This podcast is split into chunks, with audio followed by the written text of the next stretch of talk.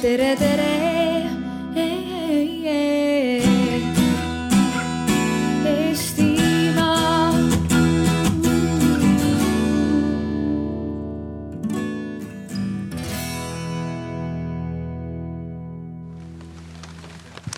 Head sõbrad, kell on saanud kaks ja ei ole midagi alandlikumaks äh, tegevat kui vihm äh, kliimamuutuste arutelul. Äh, kui näide sellest, miks kliima on oluline ja eks Arvamusfestivalil õpime seda iga aasta. mina olen Anna-Karolin sotsiaalsest ettevõttest Speaksmart ja juhin täna sõnumiagentuuri Akadian poolt korraldatud arutelu, mille siis taga äh, ka seisab Eesti Metsa- ja Puidutööstuse Liit selleks, et olla läbipaistev. ja meie tänase arutelu teema on, millist rolli mängivad puit ja metsandus kliimaprobleemide lahendamisel ja kuidas olla selleks maa, kuidas olla selle, selles maailmas üks teerajajatest või vähemalt jõuda sinna, et äh, muutuda teerajajaks mul on suur lootus, äh, mis võib olla liiga optimistlik, et äkki jääb vihmi järele ja te saate kolida natuke lähemale, sest teiega oleks tore natuke lähemalt arutleda. aga kui seda ei juhtu või kui ma näen, et see juhtub, siis ma võin teile sellest märku anda. kui seda ei juhtu, siis äh, hoiame distantsi ja suhtleme sellegipoolest aktiivselt. teiseks mm,. kuhu kadus nüüd minu, jah teiseks annan teile märku, et minu käes on selline eriskummaline mikrofon, ka tõeline innovatsioon arutelukultuuris, millega viskan teid sõbralikult, kui soovin, et te midagi räägiksite, ehk siis kui äh, saame äh, rääkida nii, et kõik teised teid kuulevad, et see on siis äh, mikrofon, mitte karistuskuubik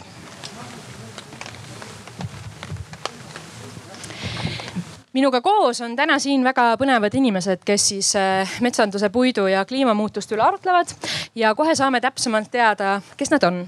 Äh, annan esialgu sõna siis äh, sinnapoole, et tutvusta ennast. kuidas oled metsanduse ja kliimamuutustega seotud peale selle, et võib-olla jood kohvi? jah, tere kõigile, et minu nimi on Marek Metslaid igapäevaselt Eesti Maaülikooli Metsandus- ja Maaehitusinstituudi metsaökoloogia vanemteadur. et kuidas ma metsa ja kliimaga seotud olen üsna, üsna otseselt, et minu uurimisvaldkond, valdkonna põhisuunad on seotud metsahäiringutega, olguks, olgu nendeks siis tormid, metsapõlengud, ulukid ja nii edasi. Äh, samuti pakub mulle väga huvi metsauuenduse temaatika, metsade majandamine ja, ja kliimavaldkonnaga olen võib-olla siin pikemalt tegelenud viimased kümme aastat aineringete raames ja, ja ka Šveitsis järeldoktorantuuris olles sai vaadata, kuidas eh, sealseid nii-öelda kuivi orgu, orgusid metsaga katta. et see võib-olla lühidalt oleks minu poolt kõik, et mm. -hmm tere päevast, mina olen Anne Langer-Kraavi, ma olen Cambridge'i ülikooli kliimamuutuste majanduse ja poliitika vanemteadur ja ka majanduse õppejõud, riigimajanduse õppejõud.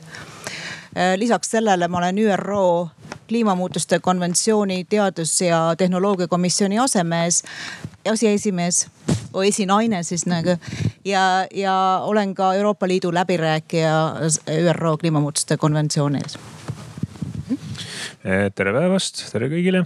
Eh, minu nimi on Jaan Kers ja olen Tallinna Tehnikaülikoolis materjali ja keskkonnatehnoloogia instituudis eh, professor.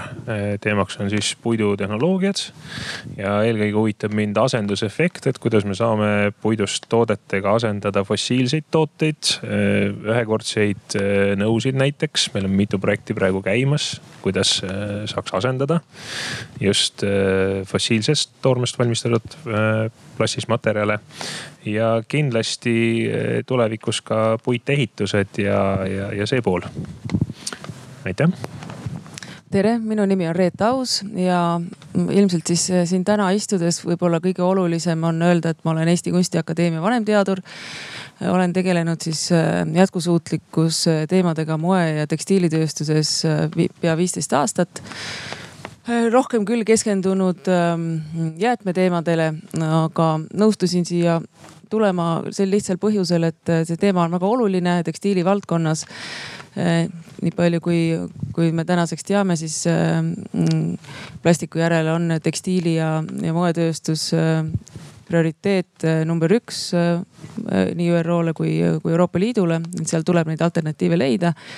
ja ma arvan, et, et mina siis oma ütleme nii, et see teine amet on mul siis olla disainer oma töös, otsin ka jätkuvalt lahendusi nendele probleemidele, mis siin tänases arutelus üles tulevad aitäh nende tutvustuste eest. meie tänase arutelu üldine fookus on tulevikumajandus, kuidas siis äh, leida üles need võimalused, mis äh, lahendavad olulisi probleeme.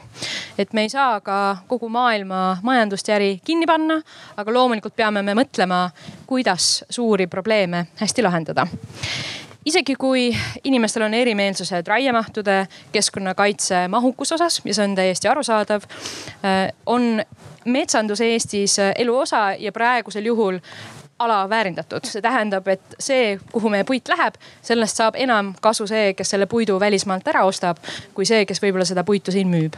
mitte ainult või mitte absoluutselt, aga siiski väga suures mahus.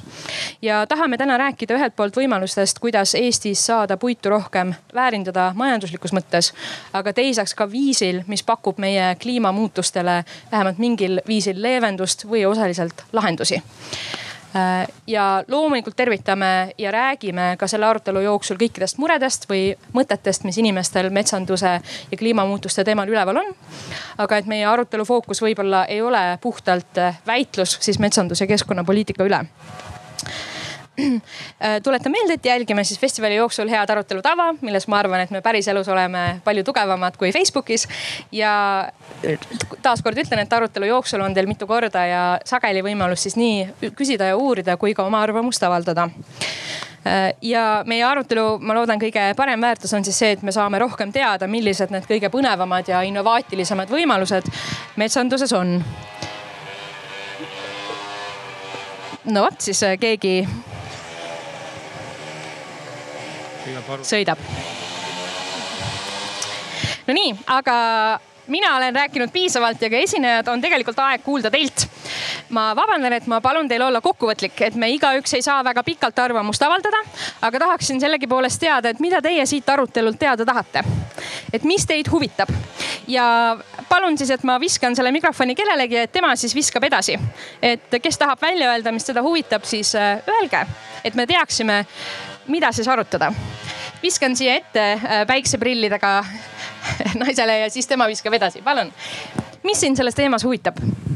ma arvan, et äh, väga hea arutelu oleks selle üle, äh, mida siis maailmas arvatakse metsandusest ja kliimaprobleemidest ja, ja kas meie siin pisikeses nööplela pea suuruses maalapil suudame nagu kogu maailma päästa või vähemalt oma maailma päästa mm? -hmm. anna edasi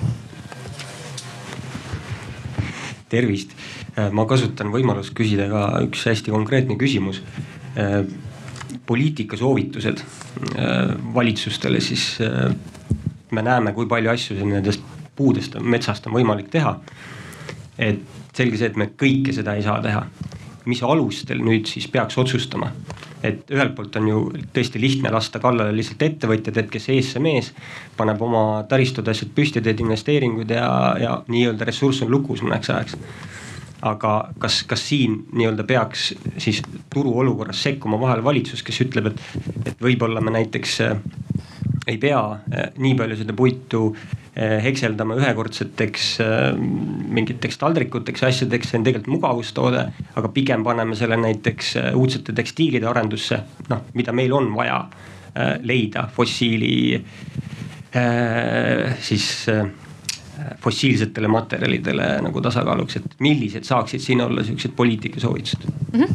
väga hea viska edasi, kes soovib anda oma huvist märku, mis Suva, talle huvitab. suvaliselt viskan või? ei, äkki, äkki keegi annab julgelt, ütleb, et mina tahan, et siis ta teab, kuhu visata, muidu oleks jah.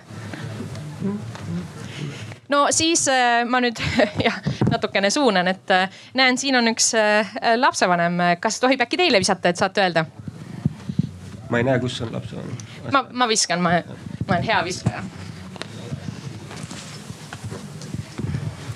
no mina küsiks siis nii, et äh, mida me peaksime edasi andma lastele, milliseid teadmisi, et kuidas siis, äh, kuidas siis kõik edasi positiivsemalt läheks loodus, looduses mm. -hmm. aitäh, kes veel soovib oma huvist märku anda mm? -hmm. et et mulle väga pakub huvi just see asendusefekt ja selle üle arutlemist ootan väga. ja pakub huvi ka just see, et kuidas asendusefektist oodatav kasu siis reaalselt nendeks näitajateks nende heitmete graafikutel muutub, et, et millised need mehhanismid on ja millised väljavaated mm. -hmm keegi veel?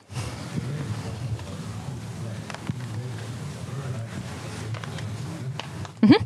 ma hea meelega suunaks korraga sinna taha, et siis, äh, et, et kui, mis on teema, mis, mis teid selles äh, küsimuses huvitab või miks te siin arutelul olete? äkki siin üks neiu, kellel on, tahaks öelda roosad prillid, aga need on tegelikult oranžid, et. Äh. hästi, mind huvitab see et kuidas hoida võimalikult äh, kaua ja püsivalt seda Eesti kõige suurimat väärtust, ilusat imelist metsa. aitäh. ja kas on kellelgi veel tekkinud mõni huvi või konkreetne küsimus, millele ta tahab vastust saada?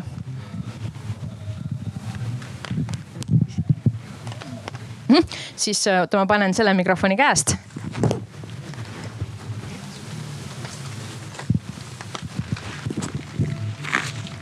millised oskused, eks ole.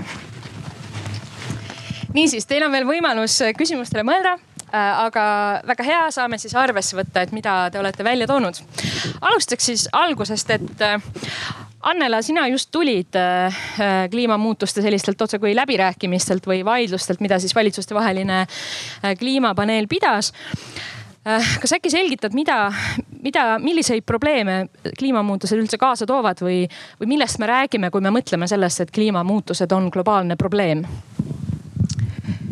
jah, äh, tõsi ta on, et ja üleeile äh, siis lõppesid Genfis läbirääkimised, need ei ole tegelikult läbirääkimised see on valitsustevaheline kliimamuutuste paneel, siis kui valitsuses saavad kokku ja, ja arutavad, et kas see poliitikutele mõeldud raporti kokkuvõte kajastab ikkagi kõike olulist, mis on nende jaoks oluline, kas nad saavad seda aru ja käiakse lause lauset läbi, siis seekord oli vastuvõtmisel äh, kliimamuutuste paneeli maa ja kliimamuutuste raport ja osa maast on, on ju ka mets, et sealt, sealt ma siis tulen see raport on siis vastu võetud, eile ta avaldati ja, ja uudised, uudistest saate lähemalt lugeda siis äh, neid põhisõnumeid, aga, aga metsa kohta küsimus, et ähm, ja, ja kliimamuutuste ja metsa seoste kohta siis ähm, võib-olla alustaks algusest ja paari lausega ütleks, mis asjad kliimamuutused on, et millest me tegelikult räägime üldse nagu et ja osaliselt see vastab ka juba siin ähm, auditooriumis olnud küsimuse nagu, et mis see Eesti siis, mis see Eestile nagu tähendab või mis ta, mis ta on siis, et. et millest me siis räägime, on see, et ähm, me kasutame energiaks, mis on fantastiline asi, no energia saamiseks viimased umbes sada viiskümmend aastat äh, fossiilseid kütuseid ja see ongi maal olev süsinik, mis kunagi on siis taimed, loomad ja, ja, ja muud tegelased olnud Ähm, ja me paneme seda, laseme seda õhku. lisame siis õhku süsinikdioksiidi molekule. süsinikdioksiid ei ole ainuke kasvuhoonegaas. Ähm, äh, on kuus tükki, neid kuus, kuus põhikategooriat.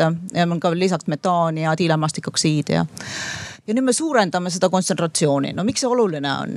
et mida süsihappegaas teeb ja kasvuhoonegaasid, nagu me neid kutsume õhus, et.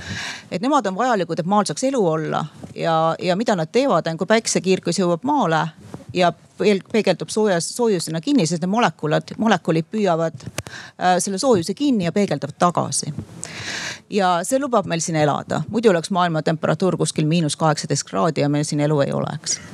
aga nüüd, kui me seda kogu aeg sinna juurde paneme, siis tekibki selline olukord, et seda, me lööme selle kliima, kus me oleme harjunud elama, mis on inimesele sobiv eluks me hakkame seda ja paljudele taimedele, kõigile tegelikult praegu, praeguseks eluks, kes praegu elavad siin, taimed, loomad ja nii edasi.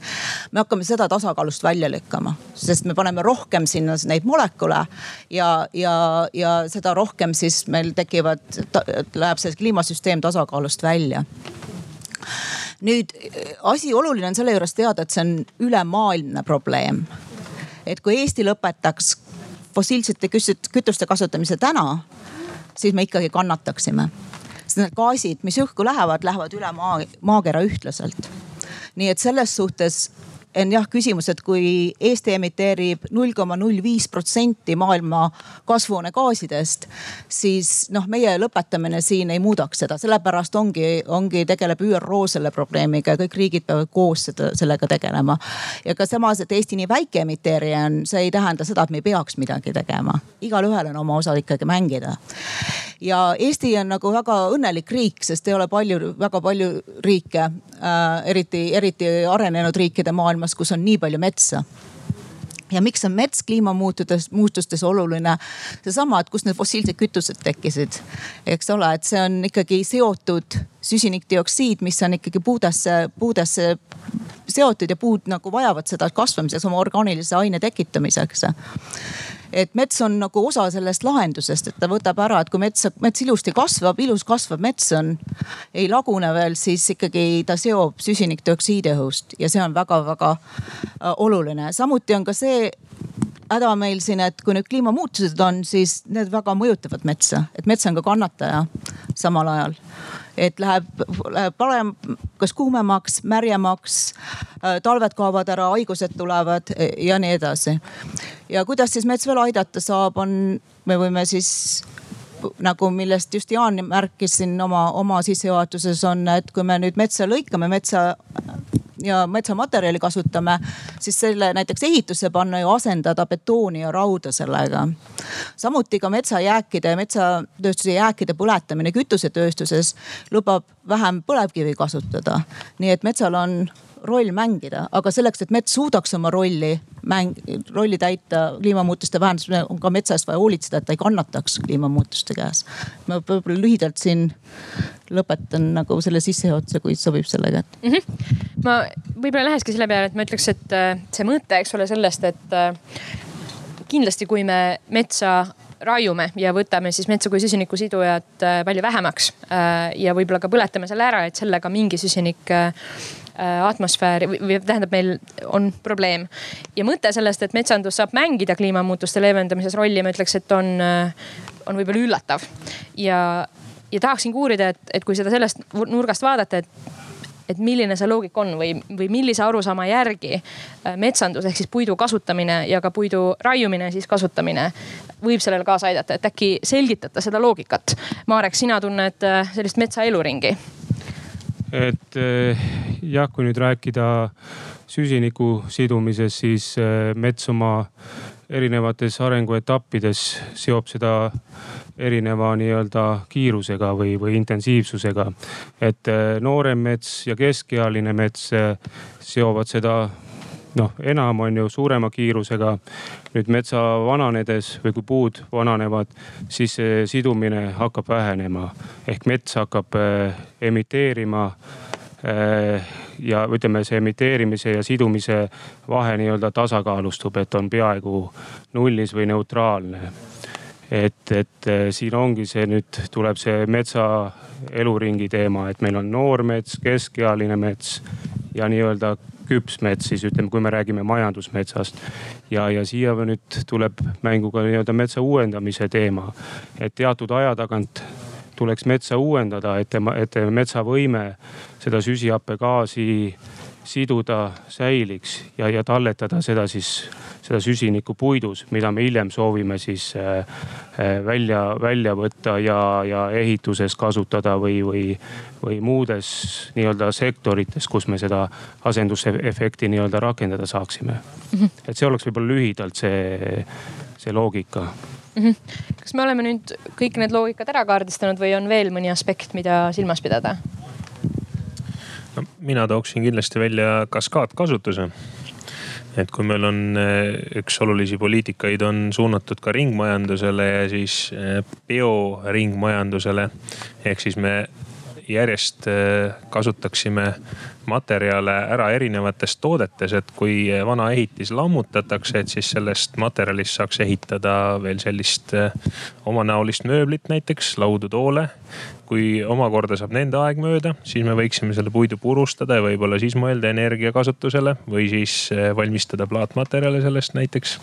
ja noh, ehituste puhul on ka äh, Soomes on juba väga oluline ja Eestis, ma arvan, muutub see järjest olulisemaks, et arvutatakse välja ikkagi see, kui palju nende ehitusmaterjalide kasutamine konkreetselt ühe siis pinnaühiku või pindalaühiku kohta, no näiteks ruutmeetri kohta, siis äh, süsinikku seob või ja, ja kolmekümne protsendine vahe tuleb siis betoonehitiste ja puitehitiste vahel mm -hmm. sisse. et selles mõttes järjest olulisemaks see asendusefekt muutub mm -hmm. erinevates valdkondades. et superministeerium oleks võinud puidust teha ja miks mitte.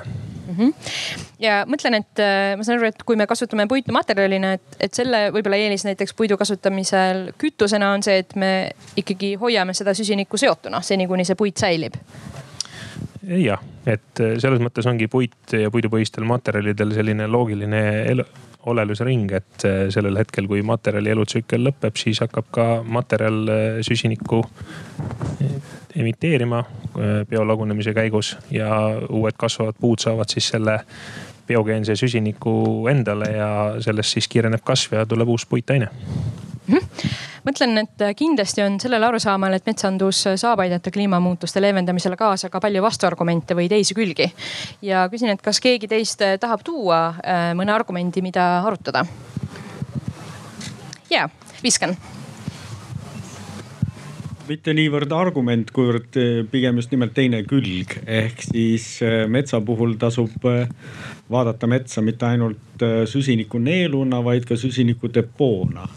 Ehk siis see vaade, et noor mets on kliimale parem, sellepärast et ta on efektiivsem süsinikuneel, on mõnevõrra ühekülgne. mida noorem mets, seda vähem on ta jõudnud oma elu jooksul süsinikku siduda, ehk siis seda väiksem süsinikudepoo ta on. Ehk siis äh, mets, kui ta kasvab vanemaks, ta tõepoolest, tema nii-öelda intensiivsus süsinikuneeluna hakkab langema küll aga kasvab ajapikku tema tähtsus süsinikudepoona, nii et seda ei maksa ka unustada, et selline, selline vaade, et selline hästi intensiivne metsamajandamine on kõige vastutustundlikum kliima suhtes, sellepärast et siis me hoiame metsa noorena ja hästi tugeva neeluna on natuke ühekülgne. sellel on teatud tõe aspekt, aga see ei ole sugugi kogu tõde mm. -hmm. Äh, ja Marek, kas sa korra oled sellega nõus? No, eh, võib-olla ma täi, täiendaksin siia, et, et, et, et jah, see on väga-väga õige, õige nii-öelda lähenemine, mis siin nüüd noh, vastu nii-öelda teise poolena välja, välja toodi, et noh, tõepoolest noh, ütleme vanematesse metsadesse on väga suur hulk nii-öelda süsinikku seotud, see on nagu süsinikupangad. aga nüüd samas selle süsinikupangaga on see lugu, et, et järjest enam nüüd kliimamuutuste kontekstis on meil erinevaid looduslikke häiringuid, mis seda nii-öelda tasakaalu hakkavad välja viima. või, või võivad ka kogu selle nii-öelda talletatud süsiniku sealt nüüd vabastada ja uuesti tagasi atmosfääri paisata. ma tõin noh oma uurimisvaldkondadest välja metsapõlengud. kõik me teame, mis hetkel toimub Siberis väga suured metsaalad põlevad, väga suur kogus süsinikku läheb atmosfääri tagasi. sama on teema on tormidega, äh, putukatega kuuse-kooreürask, mis on olnud Kesk-Euroopas väga suur probleem.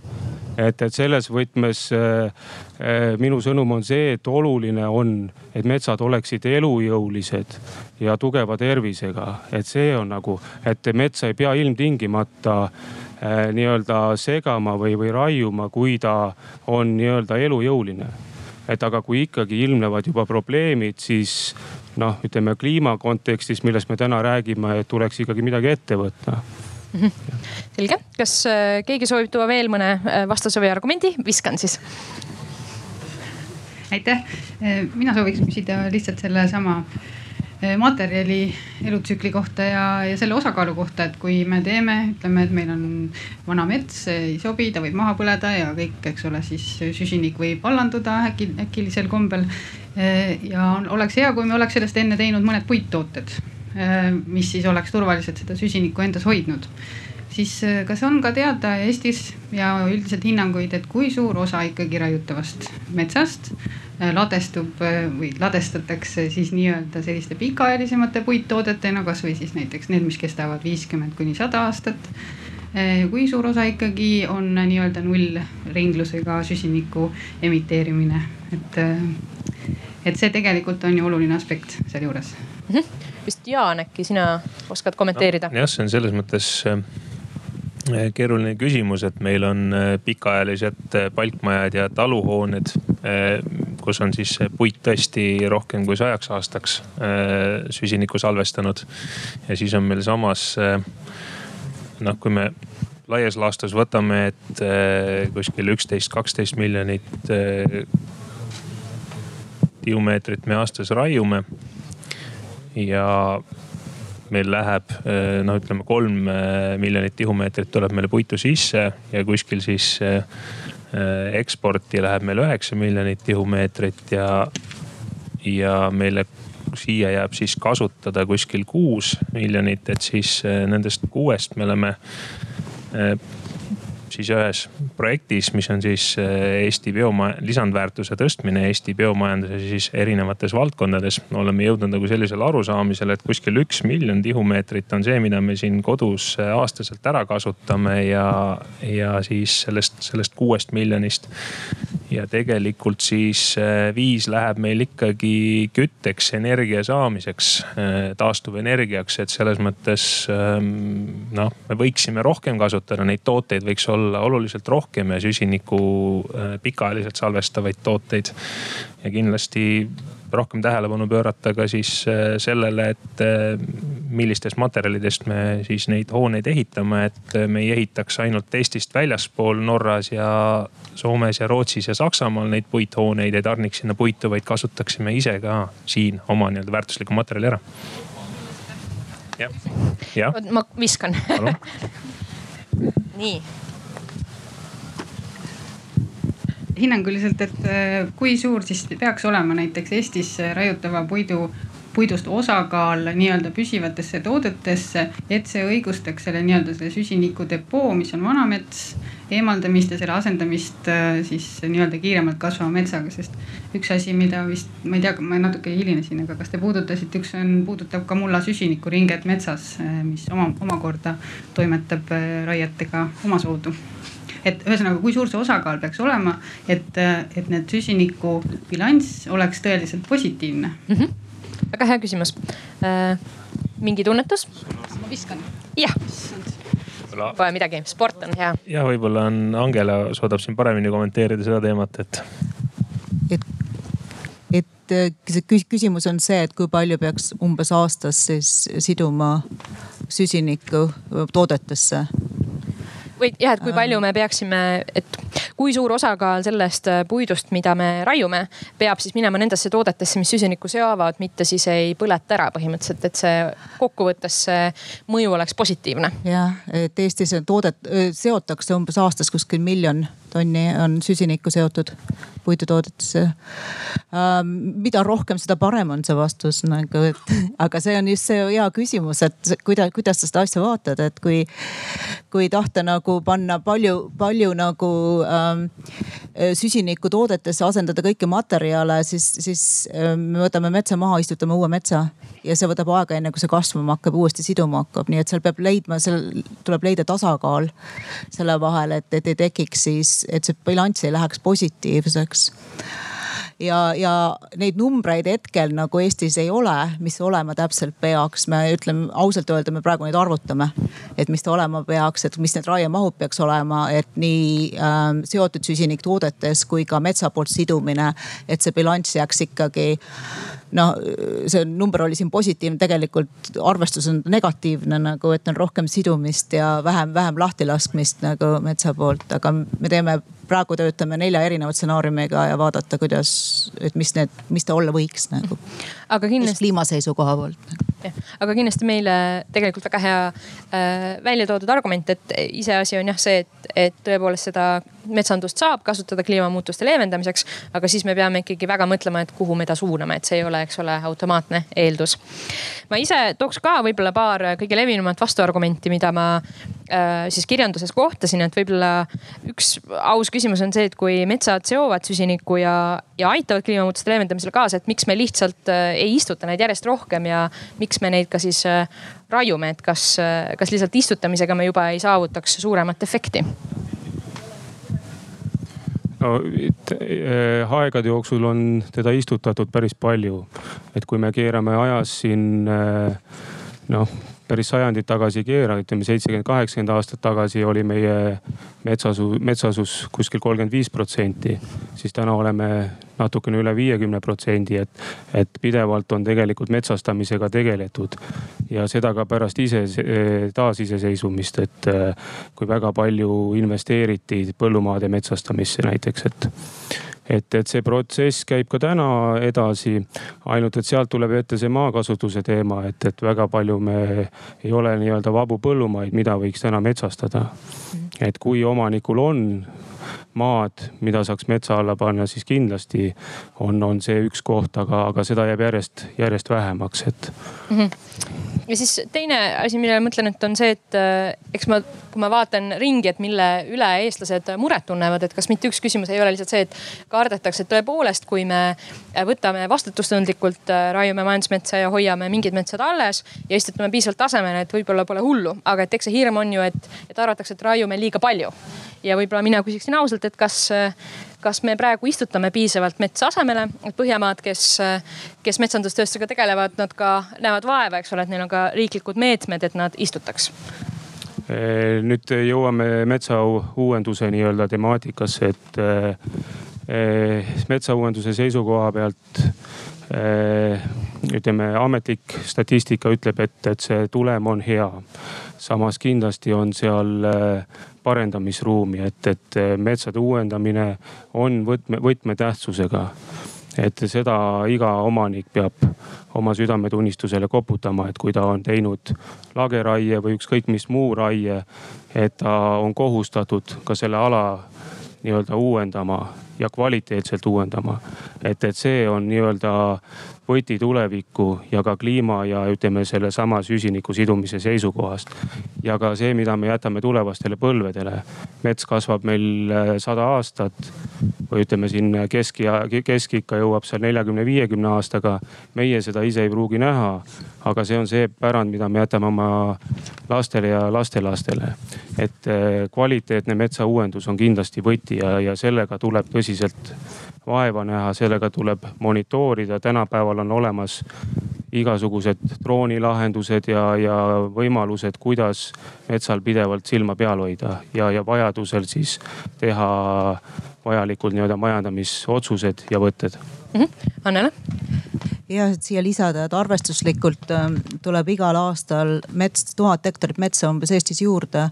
ja see mets ei ole istutatud mets nagu, mis juurde tuleb. Mm -hmm. see on nagu mets, mis ise siis on otsustanud kasvama hakata mis saab siis selle, hakkab vastama siis sellest hetkest hakkab vastama metsa definitsioonile. ja hetkel on siis metsa juurdekasv on suurem kui see raiutav mets iga aasta ja tunduvalt suurem, nii et mm. -hmm. ja eks ole, põhimõtteliselt saab ka ju teha niimoodi, et kui tarvis, siis äh, äh, riik, eks ole, saab ka kehtestada metsa istutamise nõuded, nagu me saame aru, et Põhjamaades on suhteliselt äh, märkimisväärselt nüüd äh, kohe varsti liigume, oleme siis nüüd natukene neid argumente vaaginud ja vaadanud ja tõepoolest paistab, et tegelikult väga oluline küsimus on, et isegi kui metsandus ja ja puit äh, suudavad kliimamuutuste leevendamisel kaasa aidata, tõepoolest on saatan detailides ehk selles, et aga mida me siis sellest teeme ja mida me peaksime tegema, et see aitaks kliimamuutuste leevendamisel kaasa. sellest hakkame kohe rääkima, sest äh, sellest meie esinevad teavad palju. mina aga olen äh, selle teema tiislina valmistanud ette siis teadmiste kontrolli. nii et maksab siis korraks oma aju ärksaks seada, sest kohe palun teilt siis pakkuda teie parim arvamus mõnele küsimusele alustame. millest toodetakse maailmas kõige rohkem kangaid? Teil on siis kolm vastuse varianti. esiteks, kas puuvillast, viskoosist või naftast? mõelge. ja siis, kes arvab, et äh, kõige rohkem äh, toodetakse maailmas kangaid puuvillast, andke märku mm. -hmm. kes arvab, et viskoosist mm? -hmm. kes arvab, et naftast? Ja olgem ausad, meil kõigil natuke naftad seljas. Äh, no vot, aga mõtleme siis edasi. Äh, jah, see, see võib-olla juba tuli natuke ära, aga hea küll. kas süsinikku seob õhus rohkem noor kasvav puu või suur ja vana puu? kes arvab, et noor ja kasvav puu mm? -hmm. ja kes arvab, et äh, suur ja vana puu mm? -hmm no ütleme nii, et minu õige vastus on pandud noor ja kasvav puu, aga tõepoolest meil ka osalejast üks hetk tuli tegelikult õige märkus selle kohta, eks ole, et vanemad metsad on tõepoolest käituvad siis depoona. et siis võib-olla vastus. kohe annan sõna, et ei, ei maksa siin jah Te, olge, oleme siis detailides täpsed, et küsimus oli puu kohta ja kui me vaatame puu kui indiviidi, siis noor kasvav puu seob vähem süsinikku kui vana suur puu, sest puu kasvab, kuni ta elab. nii, Marek, kas vaidled vastu või oled nõus? Selle väitega ma olen nõus, et mm -hmm. niikaua kui ta kasvab, nii kaua ta ka seob, et mm. -hmm. hea, et see on siis perspektiivi küsimus äh,. Lähme edasi, sellegipoolest äh, plastpakendid, tõeliselt, eks ole, kuri teema, alati meeldib mõelda, et ärge võtke. aga korra mõtleme, et kui palju siis nende tootmiseks kulub äh, kogu maailma iga-aastasest naftast. kas alla kümne protsendi? umbes pool maailma iga-aastasest naftast või üle poole siis plastpakendite tootmiseks. Kes arvavad, et plastpakendite tootmiseks kulub alla kümne protsendi maailma naftast mm? -hmm. kes arvab, et umbes pool? kõik läheb nõudeks või noh, tegelikult plastpakenditeks, selge. ja kes arvab, et siis üle poole mm? -hmm. no õige vastus annab siis märku, et see on alla kümne protsendi. kas keegi tahab võib-olla pakkuda, et miks see nii on? äh,. mis? Enamus naftast läheb energeetikasse. just. Nonii jah, siin see võimalus äh, Äh, väga hea viske. Äh, teil on õige vastus, et tõepoolest plastpakendid ei ole võib-olla kõige suurem kuri, kuigi hea küsimus on, et mis on siis tõepoolest mugavustoode, mis on hädavajalik toode. nüüd väga vaidlust tekitav küsimus. kas maailma kliimaprobleemi lahendaks see, kui kõik inimesed hakkaksid taimetoitlasteks? kes arvab, et jah? Kes arvab, et ei? mm. -hmm. ka olen täiesti aus, lahend, vastus ei tähenda seda, et unustame selle. lihtsalt on vaja veel rohkem, et sellest tõenäoliselt ei piisa, on mul õigus? jah -hmm. on. jess, on siis tehtud äh, uurimustöö nii, aga see oli siis meie teadmiste kontroll. loodan, et äh, teie teadmised said värskendatud ja nüüd ongi aeg arutada siis, et kui need, see saate on andes detailides, et mis need siis kõige põnevamad ja keskkonnasõbralikumad võimalused on. kui mõelda, et kuidas metsandusest mõelda Äh, see on nüüd topeltmõtlemine. Äh, et siis kõige lihtsam on mõelda puidu väärindamise astmete järgi. Jaan, kas sa lühidalt ja meile arusaadavalt selgitaksid, et äh, mis need puidu väärindamise astmed on? kuidas see käib? Noh, kui me nii-öelda laias laastus võtame, et siis kõige esimese astmena võtame siis selle, et me saame puidust toota materjali, siis palki, prusse, laudasid, hööveldada siis fassaadimaterjale. sellest omakorda siis järgmisel astmel saame teha kallimaid tooteid, aknaid, uksi, mööblit, kindlasti ka kolmas kallim aste, kus me siis puitmajades kasutame neid samu puittooteid ja ka parkett, põrandakatted näiteks ähm, osa siis äh, noh, sõltub sellest, kuidas see puitmaja või maja on ehitatud, kas ta on siis karkassmaja või ta on siis äh, uuest innovatiivsest materjalist, äh, mis on siis ristkiht, puitpaneelid ehitatud.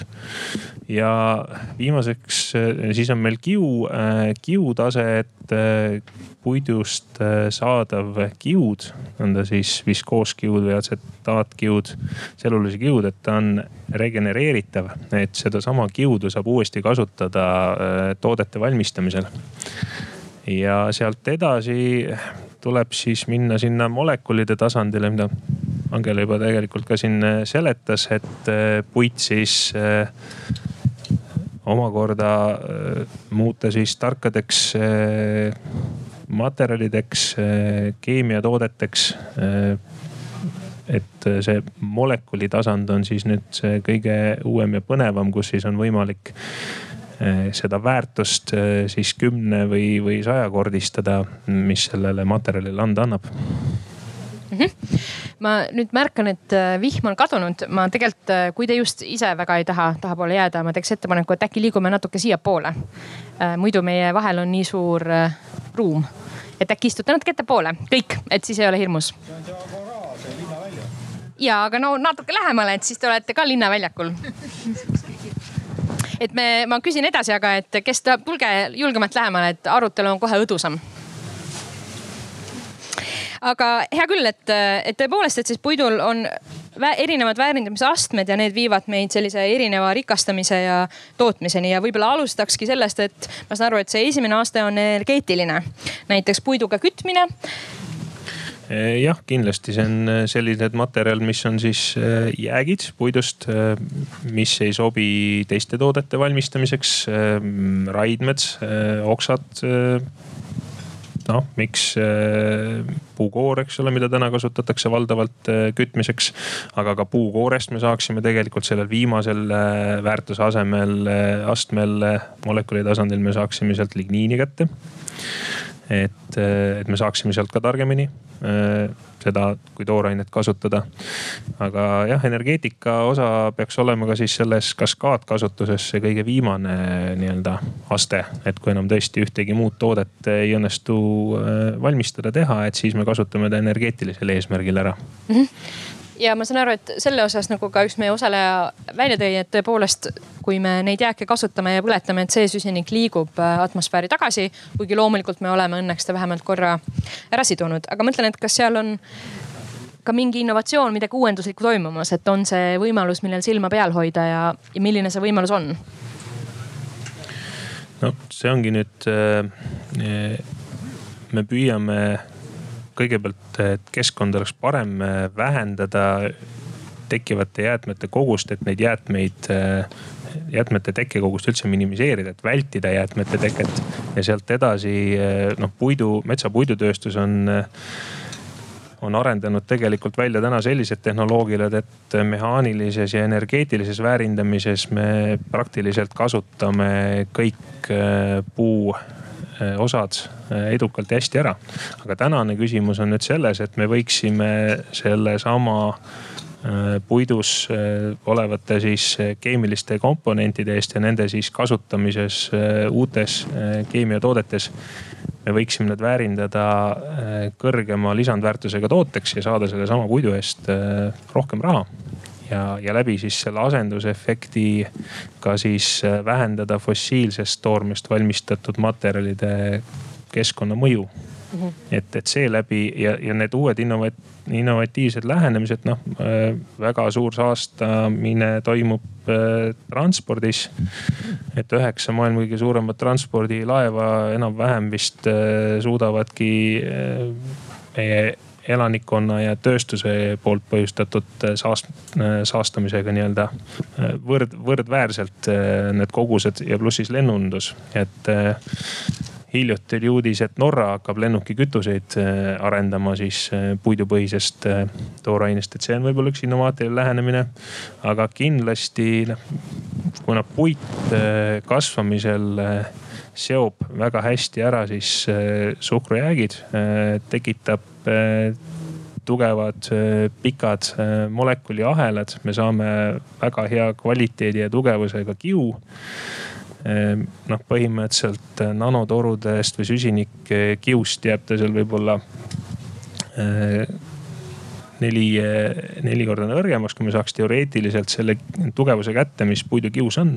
et siis mina leian, et ikkagi kiududena, kiudmaterjalidena riietes, tekstiilides, et see võiks olla nagu see, see kõige sellisem põnevam suund, mida Soome on ka täna juba näidanud et on taasavastatud viskooskiud, aga nüüd on siis uued ja põnevamad tehnoloogiad, kuidas seda teha. ja, ja just riietest või riietest või tekstiilist tekkivad jäätmed on globaalselt ka probleemiks, et kuidas neid äh, siis ümber töödelda ja kasutada uuesti materjalides mm. -hmm. et ma arvan, et Reet võib-olla võiks sellest kõige paremini eh, tutvustada, et millised need uued, uued projektid ja mõtted on, aga, aga kindlasti on, on see üks selline põnev suund. okei okay,, ja ma lihtsalt huvi pärast täpsustan, et kas, et mingis mõttes tundub, et liigume kütusest riieteni või, või see kütus on ikkagi, jääb eraldi osaks, mida me kunagi kuhugi mujale ei saa panna no,? kütusega ta jääb eraldi osaks jah, mida me mujale ei saa panna, sest põhimõtteliselt meil ei ole võimalik selle biomassiga, mis eh, maailmas toodetakse, asendada fossiilseid kütuseid, et see noh, see ülesanne ei ole võimalik lihtsalt. et me saame mingit väikest osa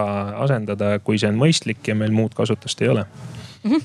aga tõepoolest, et äh, Reet, äkki sina räägid, et kuidas sina vaatad seda võimalust sellest äh, puidust rõivaid toota, et kes võib-olla teab, siis Soome president hiljuti käis äh, väga glamuursel üritusel äh, siis puidukangast valmistatud äh, rõivastes, mis on siis üks arendus, mida soomlased praegu väga julgelt on ette võtnud. et milles see potentsiaal siin peitub? Noh, kui me vaatame moe- ja tekstiilitööstust, siis äh, kõik äh, sõltub ju kontekstist, et kui äh, võib-olla moetööstuse üks suuremaid probleeme on puuviljatööstus ja, ja noh, tegelikkuses puuvilla kasvatatakse jätkuvalt väga palju. ta on üks keerulisemaid materjale, noh mille kohta öeldakse ka, et, et, et tegelikult oleks mõistlik see kohe homne päev ära lõpetada. samas tarbija arusaamine puuvillast on vastupidine, arvavad, et tegemist on erakordselt sümpaatse materjaliga tegelikult on, kui me vaatame siis kliima või keskkonna aspektist tegemist ühe ebameeldivama, ebameeldivaima materjaliga selles tööstuses. Eh, miks? noh, ta ennekõike siis võib-olla veetarve on see, mis, mis on seal kõige kriitilisem. ja kui me vaatame moetööstust, siis jah, loomulikult meil tuleb leida lahendusi, me peame leidma alternatiive mitte ainult puuviljale, vaid ka naftapõhistele kangastele, nagu sinu väiksest faktikontrollist tuli välja, siis tõepoolest seoses sellega, et puuvilja hind kogu aeg tõuseb. puuvilja hind on viimastel aastatel tõusnud sellepärast, et eh, piirkonnad, kus puuvilla me ajalooliselt oleme kasvatanud, eh, on olnud mõjutatud kliimamuutustest. põuad on pikemad, vett on veel vähem, sademed jäävad hiljaks. puuvill, mis Äh, taimena annab kaks korda aastas äh, saaki, viimastel aastatel äh, on, annab saaki ühe korra aastas ja nii edasi ja nii edasi, mis on toonud siis kaasa turul väga suure muutuse. siin mõned aastad tagasi esimest korda ajaloos näiteks India sulges oma puuvilja, puuvilja ekspordi totaalselt. see on toonud omakorda siis kaasa selle, et, et me ühel hetkel nägime, et teksapükstes kaupluse riiulil on puuvilla koostis äh, üheksakümne kaheksa protsendi asemel näiteks kakskümmend seitse. ja, ja seesama naftapõhise kiu osakaal järjest suurem ja suurem ja loomulikult naftapõhised kiud on ka odavamad, neid on tunduvalt lihtsam teha. Äh, läheb äh, tööjõudu vähem ja nii edasi ja, ja kui nüüd mõelda, et mis seal need lahendused on, siis loomulikult üks lahendus kindlasti on needsamad viskoosmaterjalid, mis on, mis on siin ka jutuks olnud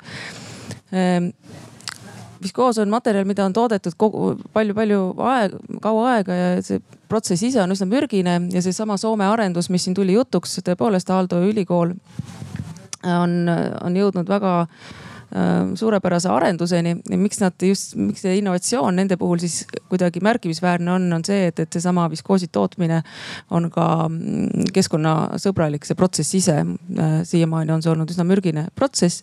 mina muidugi ei, ütlen ausalt, ma ei, ma ei tea materjalitehnoloogiast midagi, sina oled tunduvalt targem kui mina. sa võid seda hiljem, hiljem rääkida täpsemalt. aga kui ma vaat-, kui vaadata lihtsalt suurt pilti ja vaadata, mida see tähendab nagu moe- ja tekstiilitööstuses, siis üks soomlaste innovatsioon, mis ka kindlasti kindlasti teeb äh, meil kõigil rinna väga rõõmsaks, on see, et nad on võimelised ka äh, ümber töötlema kasutatud rõivaid, sest kui me vaatame Euroopa Liidus või siis meie sellises mm, kapitalistlikus ühiskonnas üks, üheks kõige suuremaks jäätmeprobleemiks on tekkimas või on juba tekkinud äh, seesama kasutatud rõivaste ehk siis tekstiilijäätme probleem, sest me ei ole võimelised seda ringlusse seda tagasi tooma ja me ei ole võimelised seda materjali siis ringluses hoidma. ja, ja, ja, ja kui vaadata sellist nagu ringmajanduse ideed, mida ka Euroopa Liit väga jõuliselt üritab oma liikmesriikides juurutada, siis meil noh valmisolekut tegelikult selles valdkonnas ei ole. ja, ja see soomlaste innovatsioon siis äh, ongi seetõttu ka väga hea, et on võimeline siis äh, lahustama ja segama nii siis uut kiudu puidust kui ka, kui ka ümbertöödeldud puuviljakiudu ja, ja, ja viskooskiudu, mis on siis toodetes eelnevalt olnud, aga siin on lihtsalt ka oluline teada seda, et äh, mis on siis selle ümbertöötluse juures nii suureks probleemiks. ja noh, see kindlasti mitte ei laiene siin, laieneb ka teistele valdkondadele, ei ole ainult siis tekstiilitööstuses, vaid see puudutab kõiki tooteid on siis me meie disainerid ja meie, meie tootmisüksused toodavad tooteid, mis ei ole monomaterjalidest tehtud ja see teeb selle ümbertöötamise erakordselt keeruliseks. ja rõivaste puhul on see veel eriti keeruline, et kui sul on ikkagi kangas, kus sees on naftapõhist kiudu, puuvilla, võib-olla natuke lina ja veel midagi, eh, siis seda lahti võtta on, on, on praktiliselt võimatu ja, ja see soomlaste innovatsioon on astunud siis väga suure sammu sinnapoole, et me ühel hetkel oleme võimelised lükkama ühe toru ühest otsast sisse hunniku materjali ja toru teisest otsast tuleb välja kiud, millest me saame, saame võib-olla siis äh, uue kanga kududa, et ähm, see on kindlasti väga oluline, aga kui vaadata veel suuremat pilti ja vaadata, et ähm, kui näiteks mõelda niimoodi, et, et kas me siis peaksime oma metsas tegema kanga. et mis võiks siis, võiks, võiks olla seal alternatiiv ja kui siis võrrelda ja vaadelda, siis kindlasti seal veel parem alternatiiv võiks olla näiteks vetikkiud, mis, mis võiks asendada hoopis puidust tehtud kanga, sest et äh, vetik, vetikas on veelgi keskkonnasäästlikum ja mõistlikum toor, toore kanga valmistamiseks, et kõik sõltub kontekstist. ja kui ma nüüd äh, oma keskkoolist õigesti mäletan, et siis vist vetikaid on meil kliima soojenemisega palju oodata oodata, et äh, seoses veekogude soojenemise ja või ma, ma saan aru, et vastus ei ole nii lihtne jah, pean äh, oma haridust täiendama. aga ma huviga mõtlen, Jaan, äkki sa täpsustad, et äh, üks asi on see, et me suudame puidust teha mingi kanga, teine küsimus on, et kui palju me seda kasutusele võtta saame või kui kuluefektiivne see on lihtsalt vaenulik sõitja, et äkki selgitad, et kus, kui kaugel see innovatsioon omadega on sinu teadmiste järgi? Noh, tegelikult on ju niimoodi, et selle, selle viskooskiu tootmise tänase nii-öelda keskkonnasäästliku tehnoloogia efektiivsus. see sõltub paljuski nüüd sellistest ioonsetest vedelikest, mis on siis, mis ütlen fossiilkütused palun jätka jah. et, et ioonsete vedelike hind ehk siis selliste noh, tselluloosi eh, suurimaks probleemiks on see mittelahustuvus. et tselluloosile leida lahusteid selle jaoks, et, eh, et ta siis võimalikult puhtalt eh, kätte saada teda uuesti siis taaskasutada, regenereerida, selle jaoks on vaja väga häid lahusteid ja tavapärased orgaanilised lahustid ei tööta.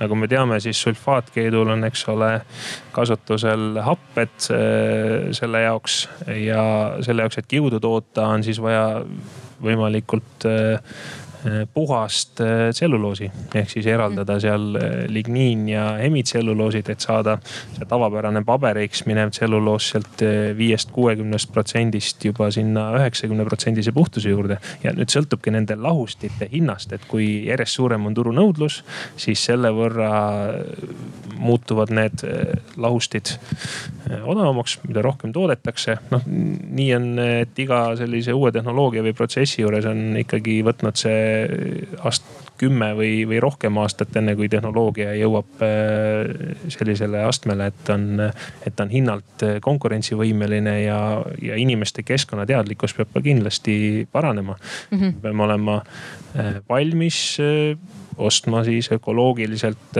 parema tehnoloogiaga valmistatud toodet kallima hinnaga mm. -hmm okei. Okay., äh, nüüd mõtleme veel, tean, Annela, sina oled väga kirglik äh, sellise puidu kasutamise ehituses äh, selline, ma ei tea, selle pooldaja, et äkki selgitad veidi, ka sellest enne rääkisime, et milline põnev võimalus see võib olla? Või miks seda pidada põnevaks? see on rohkem vist küll Jaani ala aga jah, ma võib-olla alustan ja sa siis täiendad, et noh et miks, miks, miks puiduehitused, me juba korra sellest rääkisime, et, et puidu, puidu kasutamine ehituses ongi, et on pikaajaliselt, me seome selle süsiniku toodetesse ja me ei kasuta, kasutame vähem tsementi, mis emiteerib päris palju päris, päris palju ähm, CO2 või süsinikdioksiidi tootmise käigus, elutsükli käigus. samuti äh, raua kasutamine on ka, raua tootmine ise on väga suurte emissioonidega. ja ütleme, et kui asendada, on arvutatud, et kui asendada näiteks ähm, betoonist tala äh, puidust, liimpuidust talaga, siis äh, see energia kokku või süsinikdioksiidi kokku on umbes kaheksakümmend protsenti elutsükli jooksul. et seda on ikkagi üsna palju, et sealt, sealt on see just, et miks on hea, et siis ja, ja need nüüd täiskasvanud metsad või küpsed metsad, kui sa paned sinna süsinikku sinna tallele ja uue metsa istutad, siis mets ju hakkab jälle kasvama ja süsinikku siduma samal ajal maja, eks ole, või see puidumaterjal säilitab seda süsinikku. ja puidumaterjal siis säilitab, hoiab nagu siin oli see sõna nagu depoo nagu mets ise, siis kui on metsas on süsinikku puidus seesama, ega ta kuskile sealt ei kao. mets, materjalis ta ikkagi on olemas ja ta läheb, jääb siis nagu majja hoiule. ja sellega siis on, on vähem jälle emissioone nii semendi kui ka siis rauatööstuses näiteks. aga ma mõtlen, et äh, tundub hea mõte. ilmselgelt paistab, et see on nagu alakasutatud või, või mis, äh, miks, mida me peaks tegema selleks, et seda rohkem kasutataks? no selle seda tegelikult tingib see, et on teatud ehitustehnoloogiad, mis on hästi välja arendatud ja mida siis kasutavad äh, julgelt nii siis arhitektid, projekteerijad kui ka siis ehitajad, et äh, kõik on nii-öelda kindel ja alati saavutatakse garanteeritud tulemus. puidu puhul on siis vaja selliseid teadmisi, et äh, mis on siis seotud esiteks puidu tugevusomadustega, kuidas ta konstruktsioonis kõige paremini käitub ja noh, kindlasti insenerid peavad kasutama varutegureid, et kui suure ja kui jämeda tala ma ikkagi täpselt pean tegema, et, et ta peaks vastu mitte kümme aastat, kakskümmend aastat, kolmkümmend, viiskümmend ja rohkem.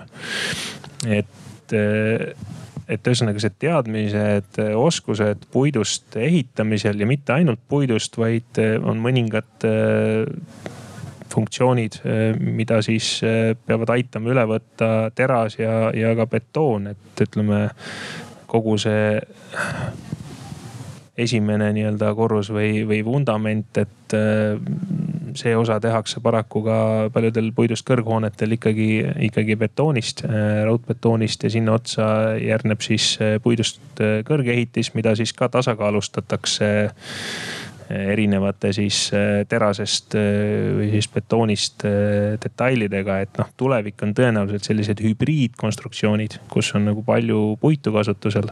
aga mitte ainult puit, et noh, mõist-, insener kasutab mõistlikes kohtades õigeid materjale, mis just selles kohas toimivad ja töötavad kõige paremini mm. -hmm. ütlen, et kas on nüüd veel mõni põnev äh, selle metsandus ja puidumaailma võimalus, millest me ei ole rääkinud. ma ise mõtlen nende plastpakenditele, et on räägitud, et puidust saab teha ka pakendeid äh, või tselluloosist saab teha ka siis plastikut. Äh, on mul õigus? ja nii, nii tselluloosist kui ka ligniinist, et, et kindlasti on olemas tehnoloogiad, mis siis võimaldavad valmistada või anda sellele tselluloosile läbi siis ütleme noh, keemiliselt selline keeruline jutt, eks ole, aga sinna juurde lisada siis äh, rasvhapete estreid, mis siis muudavad ta, ta painduvaks, et kui me võtame puidu, äh, puidust siis pilpa kätte, murrame teda põlve peal, siis ta teeb raksti ja läheb puruks, eks ole. samamoodi äh, kui on seente poolt kahjustatud puit milles on siis alles jäänud ainult eh, tselluloosikihud ja ei ole ligniini sees, et siis ta ei, ei ole üldse nagu jäik ja tugev. et selle jaoks on vaja siis sinna materjali sisse, ütleme puidu eh, siis tselluloosiahelaid omakorda siis muuta painduvamaks, plassemaks, vormitavamaks, deformeeritavamaks. et ta saaks asendada siis polüetüleeni ja polüpropüleeni, mis on siis valdavalt levinud fossiilsed äh, pakendimaterjalid mm. -hmm. aga see kõik on võimalik ja, ja noh, tulemusena me saamegi sellise keskkonnasäästlikuma pakendi, mis siis teatud äh, niiskus äh, ja välistingimustes on siis kompostitav, et me saame, me saame selle pakendi uuesti muuta siis läbi biolagunemise süsinikdioksiidiks, mis siis seotakse jälle ära uuesti kasvama metsa poolt mm. -hmm. aga kas oskad võib-olla öelda, et kui taaskord vaatame seda sellise globaalse pilguga, et kas, kas tõepoolest puidust plastiku tegemine, eeldades võib-olla, et me ka proovime vähem plastikut kasutada. et kas see on kuluefektiivne lahendus, on see, kui palju puitu meil selleks kulub, kas ta, kas selle, kas ta kasud on piisavalt suured, et kaaluda, et nüüd asendamegi näiteks naftaga? Või paneme nafta asemele, vabandust. jah, kui meil tselluloosi on, ütleme puidus kuskil nelikümmend, nelikümmend viis protsenti eh, siis eh, ja ligniini on seal kahekümne, kolmekümne protsendi ringis, sõltub kas siis lehtpuu või, või okaspuu. et eh, täna on turul olemas mõlemad lahendused. nii tselluloosi baasil tehtud siis termoplastsed materjalid kui ka siis ligniinist tehtud näiteks kohvitopsid ja, ja ka plasttooted. ja kuidas võtta, et sa pead sellest äh, äh, noh, kõige esimene etapp on kõige kallim ja kulukam, ehk siis puidust need komponendid eraldada. ja sealt edasi on juba võimalik äh, tööstusel ja tehnoloogial appi tulla ja teha see protsess automaatsemaks ja, ja odavamaks. ja noh, täna tegelikult ikkagi need biotooted, kui me ostame, siis nad on sellised noh, viis, kümme protsenti on ikkagi kallimad et selles mõttes äh, aga korra noh, eeldada, et võib-olla me ühel hetkel nõustume, et äh, maksame viiskümmend protsenti juurde, aga et kas nad sellised kliimamuutuste aspektis toimivad ära, et on see meile keskkonna mõttes mõistlikum? noh, kui me selle protsessi käigus äh, kulutame, ütleme see energiabilanss tuleb lõpuks iga toote kohta välja arvutada, et millega ka äh, Angela tegeleb, et algusest peale, et sellest hetkest, kui me siis äh, metsas puu kasvas ja me sellest äh, siis hakkame järjest algul siis palk ja pärast saepalgist siis aste-astelt edasi, kuni me jõuame siis kiuni ja sellest kiust siis toote valmistamiseni ja nüüd paneme sinna kõrvale siis naftast saadud toote ikkagi arvestame, et, et see materjal, mis, mida siis kasutatakse, on see siis maagaas või, või nafta. et kõik see on ikkagi miljonite aastate jooksul kogunenud siis äh, biomaterjalist, äh, et see algne toormeallikas on, on mittetaastuv ja sinna kõrvale paneme taastuva allika. siis ma usun, et, äh, et, et see võiks olla ikkagi see eelis, et me kasutame sedasama süsinikku, mis on kogu aeg ringluses olnud läbi erinevate toodete.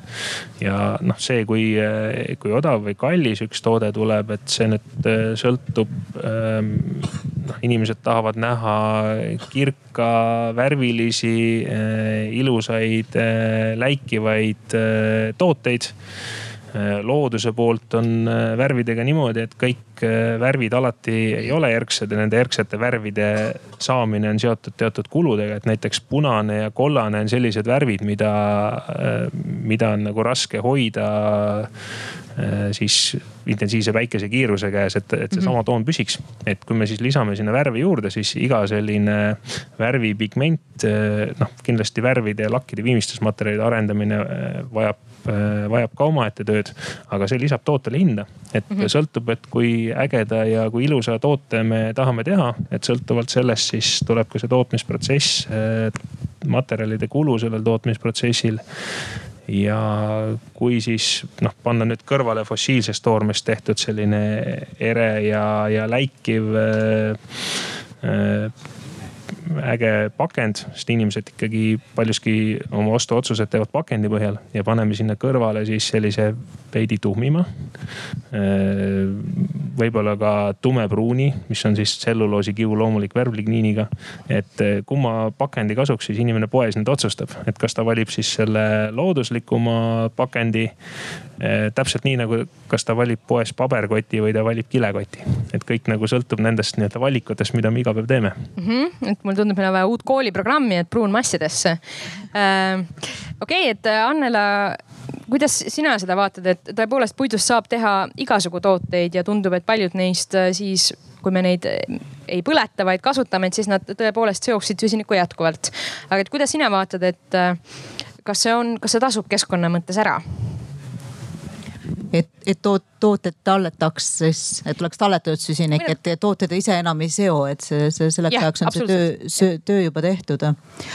et, et sõltub, eks ta noh kui küsimus on see, et kas, kas see siis äh, selle, see siis nagu aitakski, et võidelda kliimamuutuste vastu ja muud vaja ei oleks, siis see päris nii ei ole ikkagi. ja, ja see äh, maaraport, nüüd maa ja kliimamuutuste raport, mis siis eile avaldati, ka rõhutab seda, et see ei ole nii, et ikkagi kõikides sektorites, kõikides eluvaldkondades on vaja emissioone vähendada.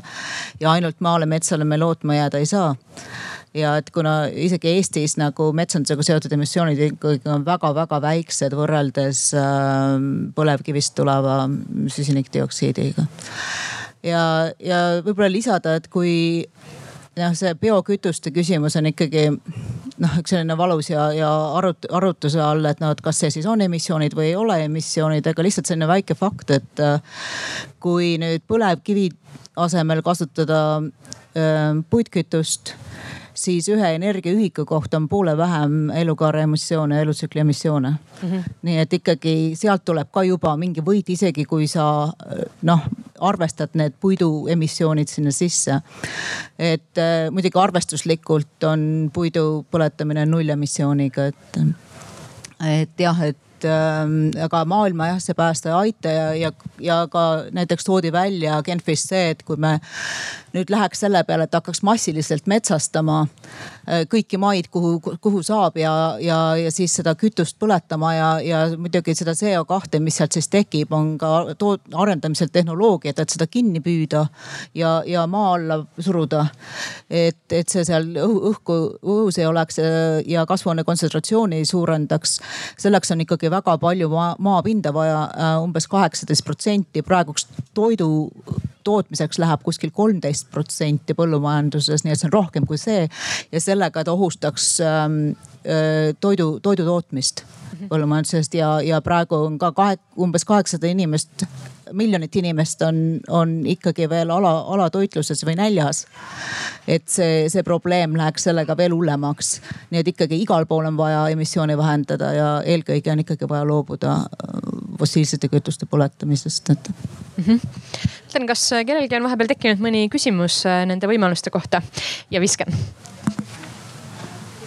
aitäh, mul on küsimus Jaan Kersile, et kui Äh, selleks, et toota puidust, äh, et saada sealt see tselluloos kätte, see on päris raske, eks ju. Äh, ta ei taha sealt hästi ära tulla. et ma olen aru saanud, et paberi tootmisel tehakse samamoodi, et, et üsna palju kemikaale kulub, et saada seda tselluloosi kätte. ja nüüd, kui Soomes on selline mind huvitab nagu detailsemalt, et kuidas ja mil viisil siis äh, sellel Soome innovaatilisel tekstiilitootmisel saadakse see tselluloos sedasi puidust kätte, et ta on keskkonnasõbralikum võrreldes paberi ja papitööstusega. No siin on tegelikult nüüd äh, pisut erinevad asjad võrdluses, et paberi, papitööstus äh, nendel puhkudel ei võib olla siis äh, tselluloos ja hemitselluloos nii-öelda miksina, et seal on oluline ligniin eraldada. ligniin on siis see, mis äh, annab seda tumepruuni või pruunikat värvust, et siis saada valget äh, paberit, on siis pleegitatud paber. aga kiudude teema on juba, on juba järgmine etapp, kus siis väärindatakse seda tselluloosi eraldi, eraldades siis hemitselluloos tselluloosist, et siis saada puhtam materjal ja äh, antud juhul on siis äh, just, äh, ongi need loodus- ja keskkonnasõbralikumad lahustid, mida siis kasutatakse selle jaoks, et seda, sest ega nemad ei tooda tegelikult seda päris algusest või, või nullist täna veel, et nad kasutavad ikkagi äh, toormena siis äh, keemilist tselluloosi, mis siis tuleb nendeni tehasest. et see ei ole jah, selles mõttes ta ei ole päris algusest lõpuni protsess, et arendatakse täna ka ensüümidel põhinevaid tehnoloogiaid ja, ja, ja püütakse siis lagundada või eraldada neid äh, puidukomponente üksteisest äh, ensümaatilisel teel. aga kõigi nende tehnoloogiate noh ütleme, piloteerimine võtab veel aega, et, et nad tõestaksid ennast ja oleksid edukad, et, et neid saaks ka siis kasutusele võtta. ütleme siis tavatootmises. jah ma saan äh, sinu jutust niimoodi aru, et tegelikult praegu on seis selline, et selleks, et saada tekstiili tootmiseks seda tselluloosi, tuleb läbi teha kogu see kemikaalirohke protsess, mis kehtib ka praegu paberi, papitööstuses. ja see teine võimalus on alles äh, väljatöötamises. saan ma õigesti aru? ja need äh, orgaanilised, orgaaniliste laustitega protsessid ja ütleme, et maailma keemialaborid. Noh, meil on ka Graanul Invest, kes täna arendab näiteks väga oma tehnoloogiat oma partneritega. et kõik proovivad kasutada siis uusi ja keskkonnasäästlikumaid tehnoloogiaid, et selles mõttes jah, see, see võtab aega, et täna on kõige efektiivsem meetod ikkagi olnud see klassikaline siis krahvtehnoloogia, eh, mis on, mis on nii-öelda selleks esimeseks fraktsioneerimiseks kasutusel. aga viskooskiu enda tootmine, nagu Reet mainis, on tegelikult oluliselt eh, mürgisemate kemikaalidega toimunud ja oluliselt keskkonnaohtlikum protsess olnud siiani ja nüüdsest on siis tulnud need uued innovaatilised lahendused, kus me siis kasutame ioonvedelikke ja enam ei läbi seda protsessi, mis, mis varasemalt oli kasutusel et selles mõttes on ikkagi areng toimunud. Aitäh mm. -hmm. seal oli äh, jah, siin äkki viskad, ei lihtsalt ta oli enne ja siis äkki viskad. väga hea, Indrek Vainu, Eesti Metsapõiks. väga tore, ilus jutt kõik. aga võiks ju vaadata seda asja ka niimoodi, et äh, me räägime mingi anonüümsest puidust, kuidas seda tükkideks rebida nanotasandil kõik need kemikaalijutud, et kasutame säästvamaid kemikaale, need ei ole säästvamad nad on ikka loodust nagu hävitavad. Aga millegipärast jätatakse rääkimata hetkel muu mõju metsandusele. et kes seal metsas veel on, seal ei ole ainult ligniin, on ju, seal ei ole ainult tselluloos. väga tore on Jaan, on ju. nunnu jutt on ju, äh, aga see on, see on nagu teema, millest nagu millegipärast ei räägita. et metsas ei ole ainult puud hästi, ma korra segan kahe asjaga vahele. esiteks palun, et jälgisite head arutelu tava ja ei läheks isiklikuks. küll aga teil on nüüd võimalus öelda, et milliseid neid osapooli me peaksime silmas pidama. et palun. milliseid osapoole või? või kui te ütlesite, et me ei rääkinud, nüüd on teie võimalus rääkida no. just, et siin räägitakse peamiselt ainult nagu puidukeemia keskselt seda asja. aga selleks, mis enne seda puidukeemiaks saamist toimub, et Eestis eh, mitukümmend tuhat hektarit lageraiet tehti eelmisel aastal hmm?? Nelikümmend neli tuhat. mitu puud istutati eelmine, sellel aastal? kakskümmend viis miljonit. okei okay., mitu puud maha võeti? Eestis võeti ametlikel andmetel kaksteist koma viis miljonit tihumeetrit puid maha. kas ühest puust saab tihumeetri puitu? ei saa. tähendab, vähemalt kakskümmend viis miljonit puud võeti maha. Ja oota, aga enne seda meie Eestis tehakse üheksakümmend protsenti metsapuidu varumisest lageraiega. enne seda, kui toimub lageraie, võetakse maha alusmets, kõik noored, keskmised, mis iganes puud, mis ei sobi kasutada, võetakse ära.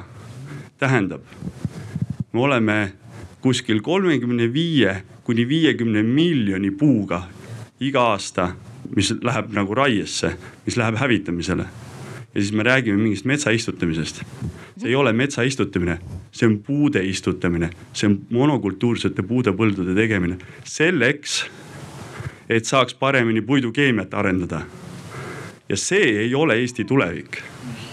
Eesti ma... tulevik on metsikud metsad ja nende säilitamine peab olema iga Eesti kodaniku esmane eesmärk mm. -hmm.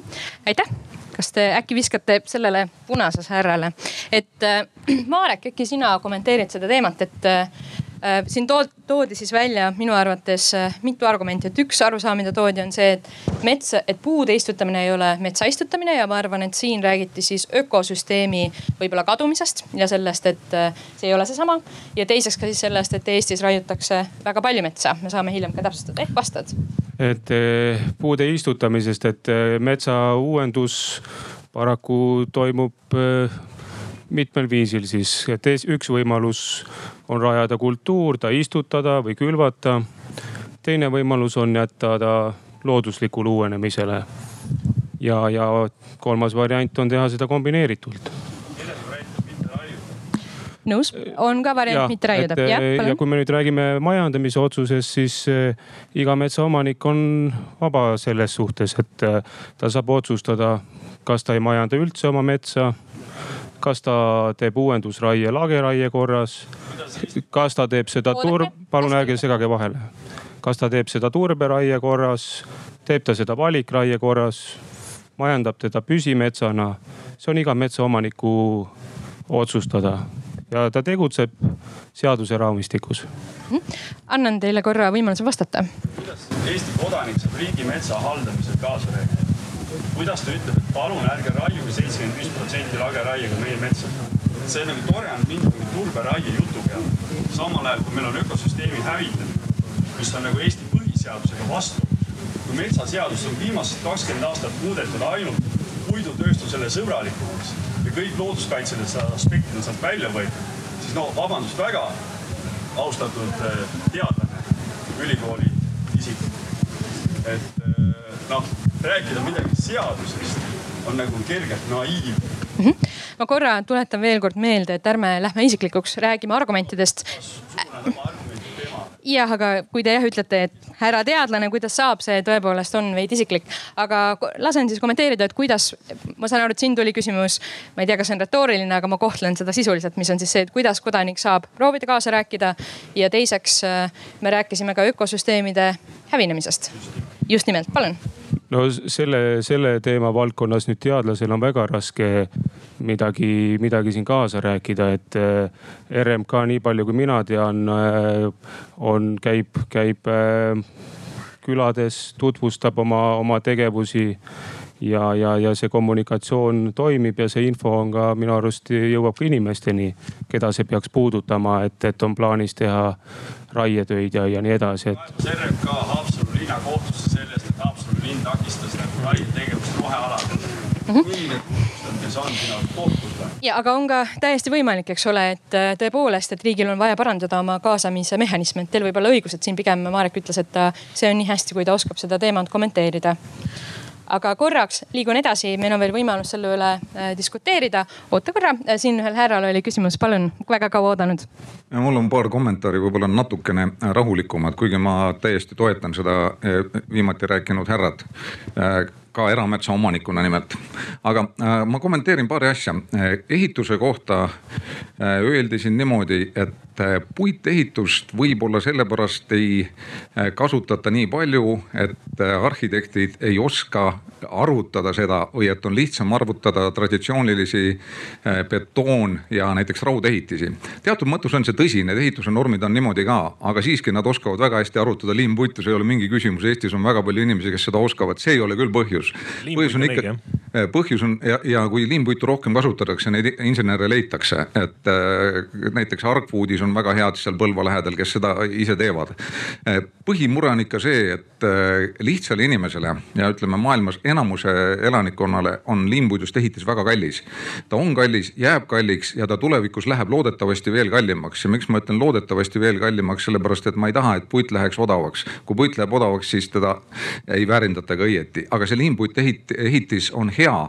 ja ma näiteks ehitan praegu ise ühte liimpuit äh, karkassil tööstushoonet, aga see on erand ja see jääb ikkagi erandiks, see ei tule ehituses reegliks, sellepärast et inimesi on liiga palju. Ja puitu ei kasva nii palju peale, et igaüks saaks elada selles puitmajas, kuigi ma tahan, et see nii oleks see ja ei ole viga mitte arvutuses praegu, vaid siga, viga, et äh, need puitmajad on ikka oluliselt kallimad kui raudbetoonist ehitatud majad.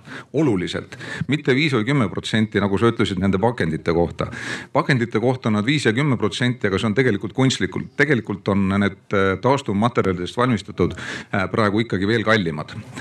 ja mitte lahendus ei ole selles, et me peaksime asendama kõik naftast tehtud polüpropüleeni ja polüetüleeni siis puidust tehtud asendusainetega, vaid me peame seda kõike oluliselt vähem kasutama. sellepärast, et kui me asendaksime praegu iga päev rafineerimistehastes toodetud etüleeni ja propüleeni äh, näiteks puidu aseainega, siis nii palju puitu ei kasva peale see on sadu miljoneid tonne aastas, mis, mida selleks vaja läheb.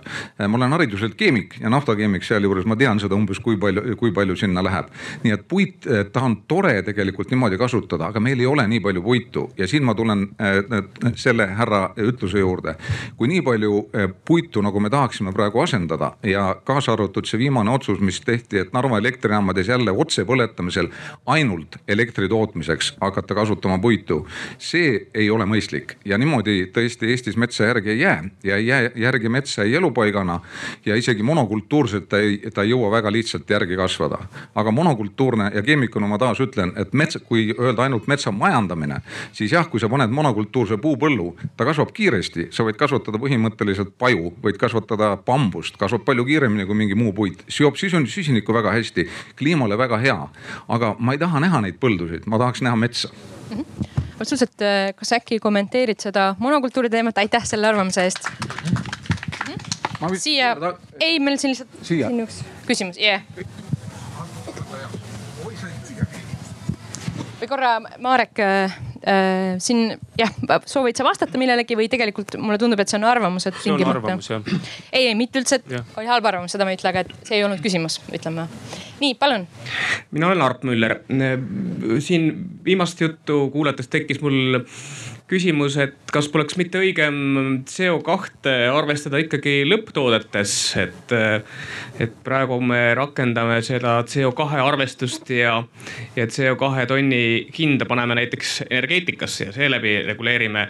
et näete, põlevkivienergeetika ongi nüüd, põlevkivielekter ei pääse turule, aga kui see oleks kõikide toodete hinnas, betooni hind, betooni hinda lisada see CO2 hind puidu hind panna võrdlusesse, siis kuidagi tekib mingisugune puidu, puidule eelis, kui, kui, kui arvestada ka seda CO2 ringlust.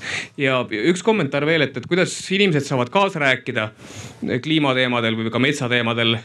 et kasvõi RMK suhtes, et milline riigi poliitika RMK-s peaks olema. et meil Eesti Vabariigis toimuvad valimised ja, ja valimistel me nägime, palju hääli sai Roheline Erakond, Elurikkuse Erakond.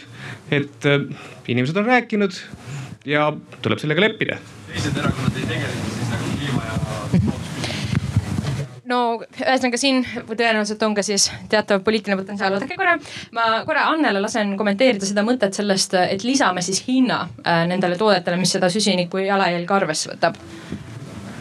no eks me seda ju teeme ka et, et äh, Euroopa Liidul on, on emissioonikaubanduse süsteem ja, ja see süsinik ikkagi, mis on nii betoonis, kui, kui läheb äh, raua tootmiseks, kui elektri tootmiseks põlevkivist. sinna ta läheb ikkagi, läheb arvestuste sisse. aga tegu on ilmselt ikkagi sellega, et, et see ei ole veel piisavalt, piisavalt kõrge siis, et anda eelist nagu äh, loodussõbralikele toodetele ja muidugi on ka veel aega vaja investeeringut tehnoloogiate arendamisse. ja sinna tuleks kõvasti investeerida. aga kas see võiks töötada, kui seda hinnastamist rohkem teha? no ta töötab, aga selle, selle ta, ta, ta töötab, töötab küll, kui sa väga kalliks need, need tooted teed ja ta annab eelise ja noh, suhteliselt kallimaks kui puidu tootmine. aga sellega peab ka natuke ettevaatlik olema, sest see hakkab, kui elektri hind ikkagi läheb väga, väga kalliks põlevkivist toodetust elektri hind ja mingeid muud alternatiive ei ole, siis ähm, ütleme, see võib mõnele inimesele, kes on väiksema sissetulekuga ikkagi väga-väga valus olla, et. jah, Ret. võin korra kommenteerida siin tekstiilitööstuse poole pealt, et äh, millega ka Euroopa Liit aktiivselt tegeleb, on just nimelt äh, selle mm, informatsiooni siis kättesaadavaks tegemisega ka tarbijale, et. Äh, et Euroopa Liit on töötamas välja siis sellist ühtset sertifitseerimis või sertifikaadisüsteemi, kus tegelikult läbi maksustamise siis iga toote juures hakkab meil olema tegelikult näha selle materjali ja selle toote jätkusuutlikkus ja ennekõike just äh, keskenduvad nad materjalidele ja, ja, ja ennekõike monomaterjalidele. et äh, ma arvan, et seal on hästi suur probleem ka see, et, et, äh, et võib-olla inimesed, kes töötavad nende teemadega igapäevaselt, teavad neid probleeme ja, ja, ja vaatavad ka tooteid natuke teistsuguse, teistsuguse nurga alt, aga tavakodanik, kellel tegelikult seda infot ei ole ja kes igapäevaselt selle peale ei mõtle, tal on väga raske ka teha neid valikuid, aga tegelikult see, kus see suurem muutus hakkab toimuma, on just nimelt see tarbija valik, et ega ükski ettevõte ei hakka oma, oma tegevust tegelikult kapitalistlikus ühiskonnas enne muutma, kui turul ei ole nõudlust või kui loomulikult poliitiliselt ei ole survet ja makse, maksusid ei tõsteta, aga, aga selleks, et saada aru, kus seda maksu siis suuremaks äh, tõsta ja kus väiksemaks, selleks peab see ikkagi tegelikult olema kõik ka läbipaistev, et tekstiilitööstus selles suunas, loomulikult olgem ausad, tekstiilitööstuse lobi teiselt poolt on jälle väga suur, on ju, teades, et kasvõi sellesama Rootsi riigi kõige su üks suuremaid maksumaksjaid on, on suur korporatsioon, kes toodab rõivaid viisil, mis ei ole just kõige jätkusuutlikum, et, et see on niisugune lõputu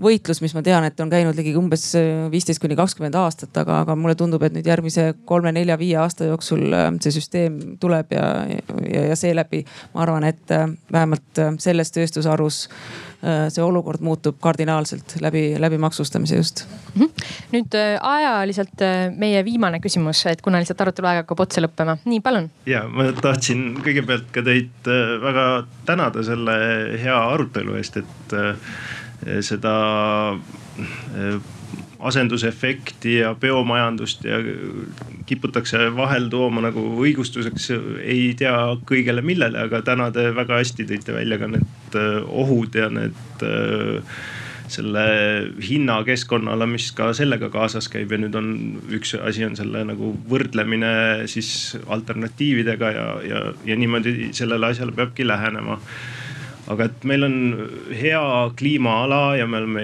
Eestis ja Paides ja kus me arutame tervel siin platsil, et kuidas me siin Eestis peaksime lähiajal edasi toimetama, et, et siis ma tahtsin küsida, et kuidas teile tundub, et kui meil on rääkides metsast ja, ja lahendusest, mida ta võib pakkuda nagu kliimamuutuste vastu, et mis meil nagu kõige õigem lähiajal teha olla, et mulle tundub, et meil on nagu äh, osati kombineeritavad ja osati üksteisega vastu olevad nagu võimalused.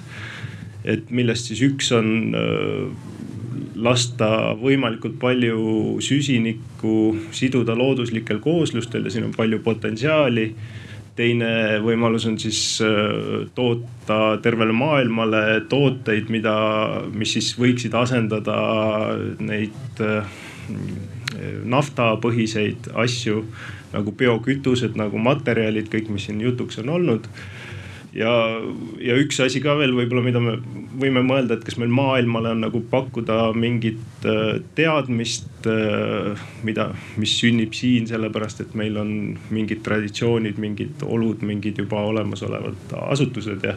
mõtlesin, et ma uurin, et kuidas teie nägemuses neid äh, kolme asja kõige paremini kombineerida, nii et ka sellest kliimale nii lühemas kui pikemas plaanis kõige rohkem kasu oleks? ma korra siis äh, ka täpsustan, et mul oli tegelikult peaaegu sama küsimus. et sina kindlasti lisasid selle, et mis on, et kas on ka mingid muud alternatiivid, et tegelikult on tootmine ja siis on ka näiteks, et lasta, eks ole, võimalikult palju äh, metsal ja muul loodusel kasvada, mis on kindlasti üks alternatiiv. et ka küsiksin teilt sellesama asja kohta ja võib-olla küsiksin, et me oleme täna ka neid võimalusi siin maininud, et kas äkki toote ka välja, kui teil mõni konkreetne võimalus tundub, et Eestile väga hästi sobiks arendada et äh, milline see on ja miks. aga loomulikult ka vastata sellele küsimusele.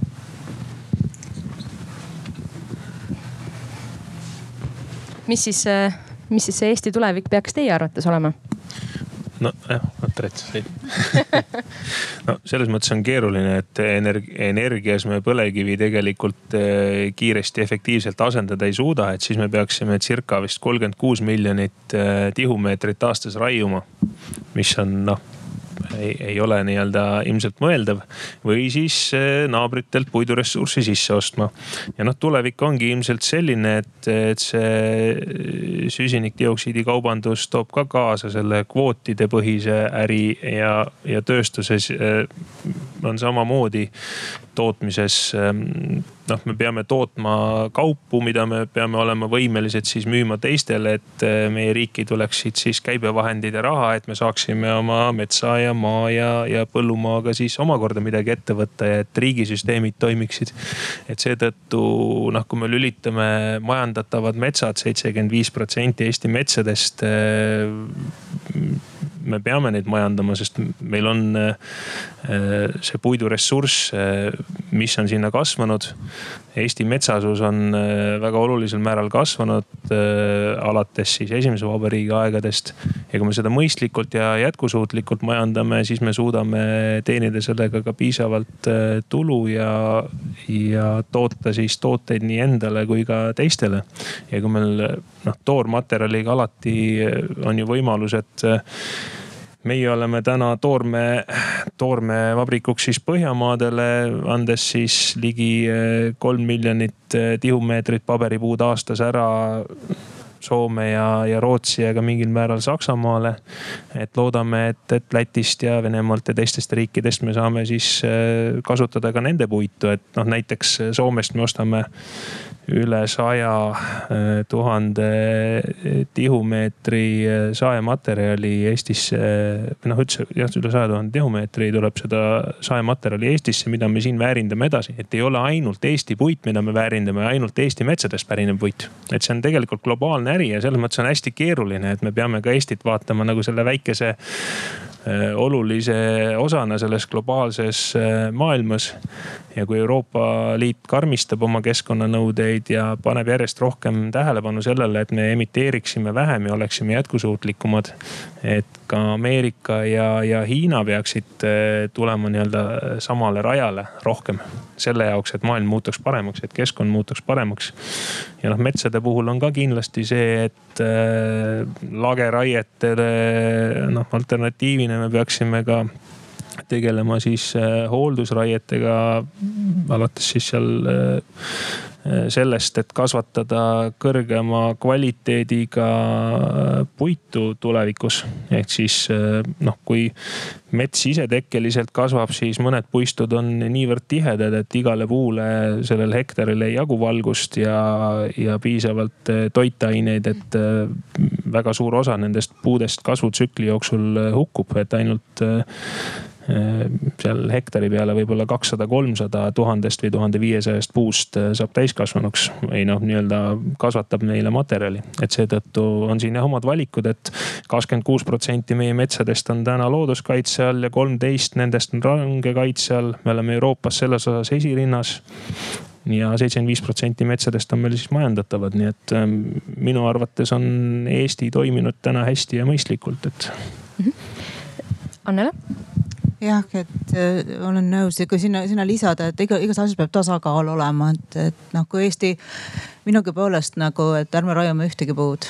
kas Eesti on nii rikas, et me võime omale seda lubada? et meie metsatööstus on ikkagi, on, meil on oluline koht on metsatööstusel meie, meie inimeste sissetulekus ja ka selle, selle peale peab mõtlema ähm,.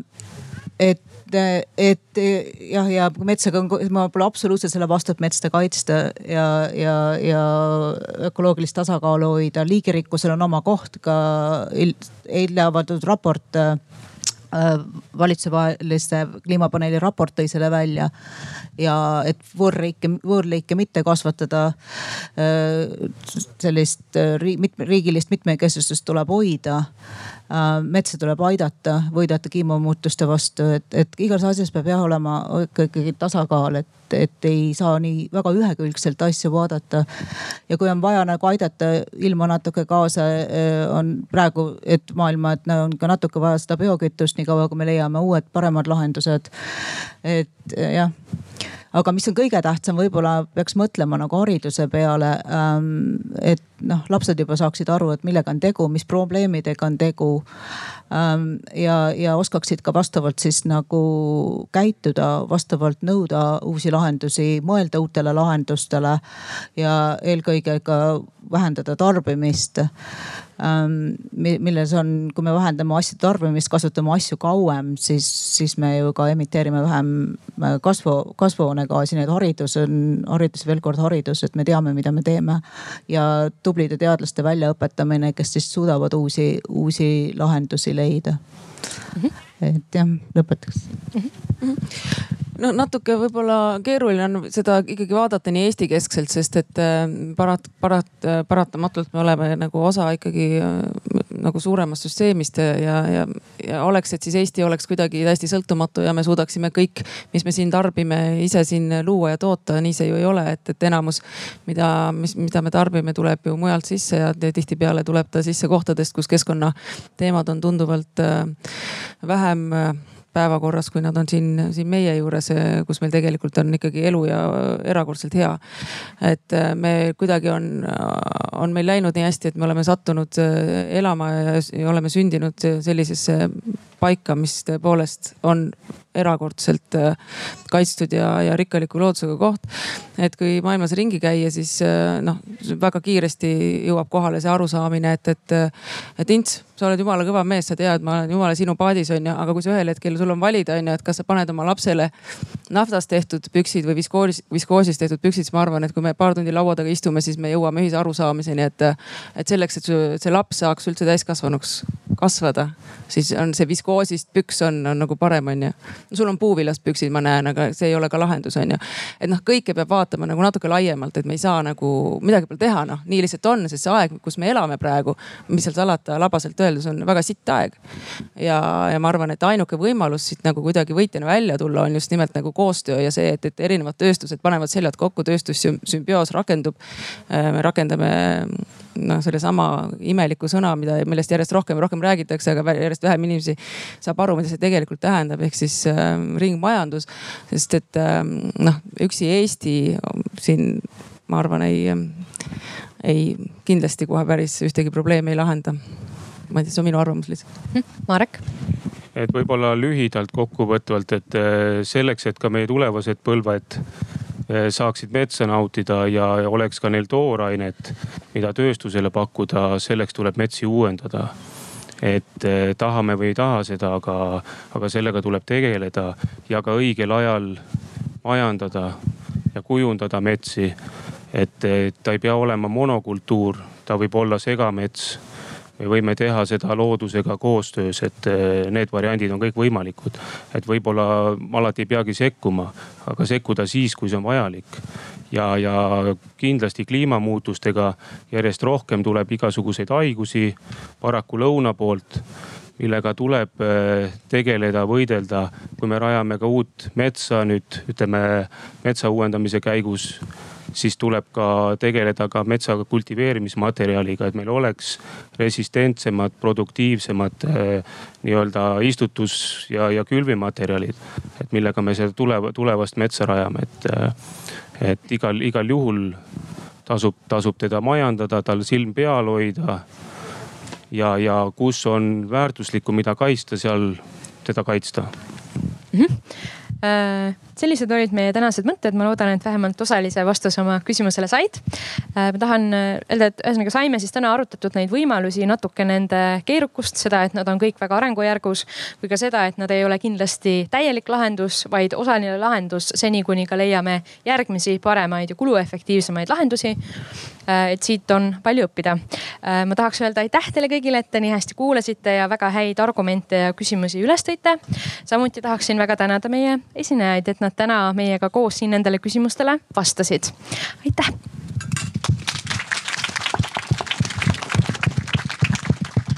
enne kui te lahkute, et kahtlemata need lahendused ei tähenda seda, et me peaksime raiuma maha kõik Eesti metsa või isegi rohkem. me oleme täna ka rääkinud mõttest, et me suudame rohkem väärindada.